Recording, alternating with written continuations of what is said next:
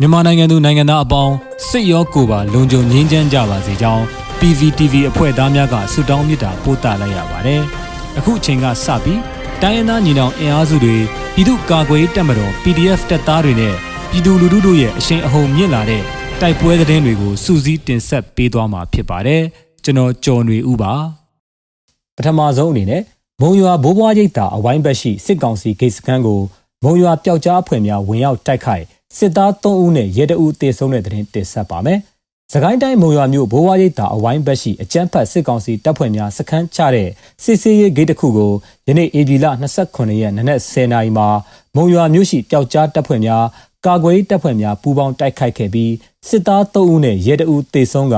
ဒဏ်ရာရသူများလည်းရှိကြောင်း Children Attack Force ကသတင်းထုတ်ပြန်ပါတယ်။မုံရွာခရိုင်တပ်ရင်း234 Children Attack Force E အထူးကွန်မန်ဒိုတပ်ဖွဲ့မုံရွာ The Boys မုံရွာခရိုင်တပ်ရင်း2တပ်ခွဲ3 Northwest Plains Revolutionary Forces NPRF ကဦးဆောင်ပြီးမုံရွာ People Defense Force MPDF နဲ့ Special Force 11ပူးပေါင်းကဝင်ရောက်တိုက်ခိုက်ခဲ့ခြင်းဖြစ်ပြီးပျောက်ကြားတပ်ဖွဲ့များမှထိခိုက်မှုမရှိဘဲပြန်လည်ဆုတ်ခွာနိုင်ခဲ့ကြောင်းသိရှိရပါတယ်။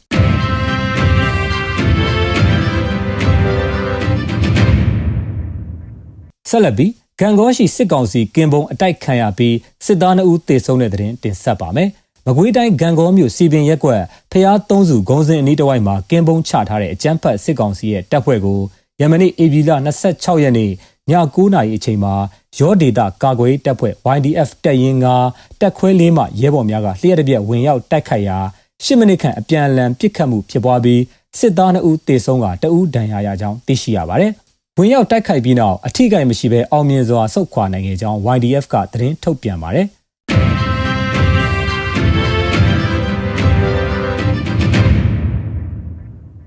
ဆက်လက်ပြီးမင်းကင်းဇင်ကလဲကြေးရွာအနီးမှာစစ်ကောင်စီစစ်ကြောင်းကိုဒေသအကာအကွယ်အဖွဲ့များပူးပေါင်းတိုက်ခိုက်စစ်သား22ဦးသေဆုံးပြီးအများအပြားဒဏ်ရာရတဲ့တဲ့တင်ဆက်မှာပါ။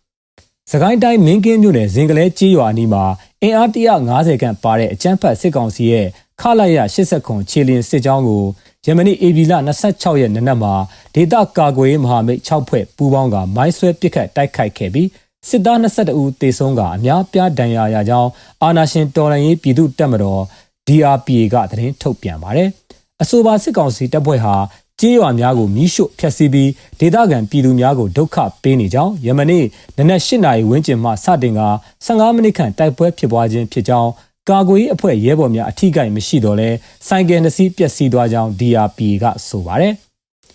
စစ်ကောင်စီတပ်ဖွဲ့ကို DRPA FRF Galaxy Force ဒပရင်ပကဖသကိုင်းခရိုင်တရင်3 MDF တန်ပေါက်ဒေတာကာကွယ်ရေးတပ်တို့ပူးပေါင်းတိုက်ခိုက်ခဲ့ကြောင်းသိရှိရပါတယ်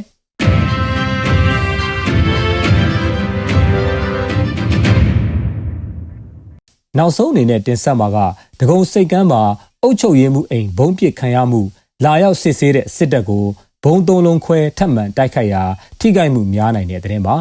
ရန်ကုန်တိုင်းဒဂုံစိတ်ကမ်းမြို့နယ်မှာစစ်ကောင်စီခန့်အုပ်ချုပ်ရေးမှုအိမ်ဘုံပစ်ခံရပြီးလာရောက်စစ်ဆေးလုံခြုံရေးယူပေးတဲ့စစ်တပ်ကိုဘုံလေးလုံးခွဲတိုက်ခိုက်ရာထိခိုက်မှုများနိုင်ကြောင်းတော်လှန်ရေးရဲဘော်များထံမှသိရှိရပါတယ်။ AB 26ရက်ည9:15မိနစ်ခန့်အချိန်ဒဂုံစိတ်ကမ်းမြို့နယ်အမှတ်88ရပ်ကွက်မှ စစ်ကောင်စီခန့်ရပ်ကွက်ဥက္ကဋ္ဌအိမ်ဘုံဖြင့်တိုက်ခိုက်မှုဖြစ်ပွားခဲ့ကြောင်းရင်းနောက်လာရောက်စစ်ဆေးလုံခြုံရေးယူပေးတဲ့စစ်တပ်ကိုဘုံလေးလုံးခွဲပြီးထပ်မံတိုက်ခိုက်ရာထိခိုက်မှုများနိုင်ကြောင်းသိရှိရတာပါ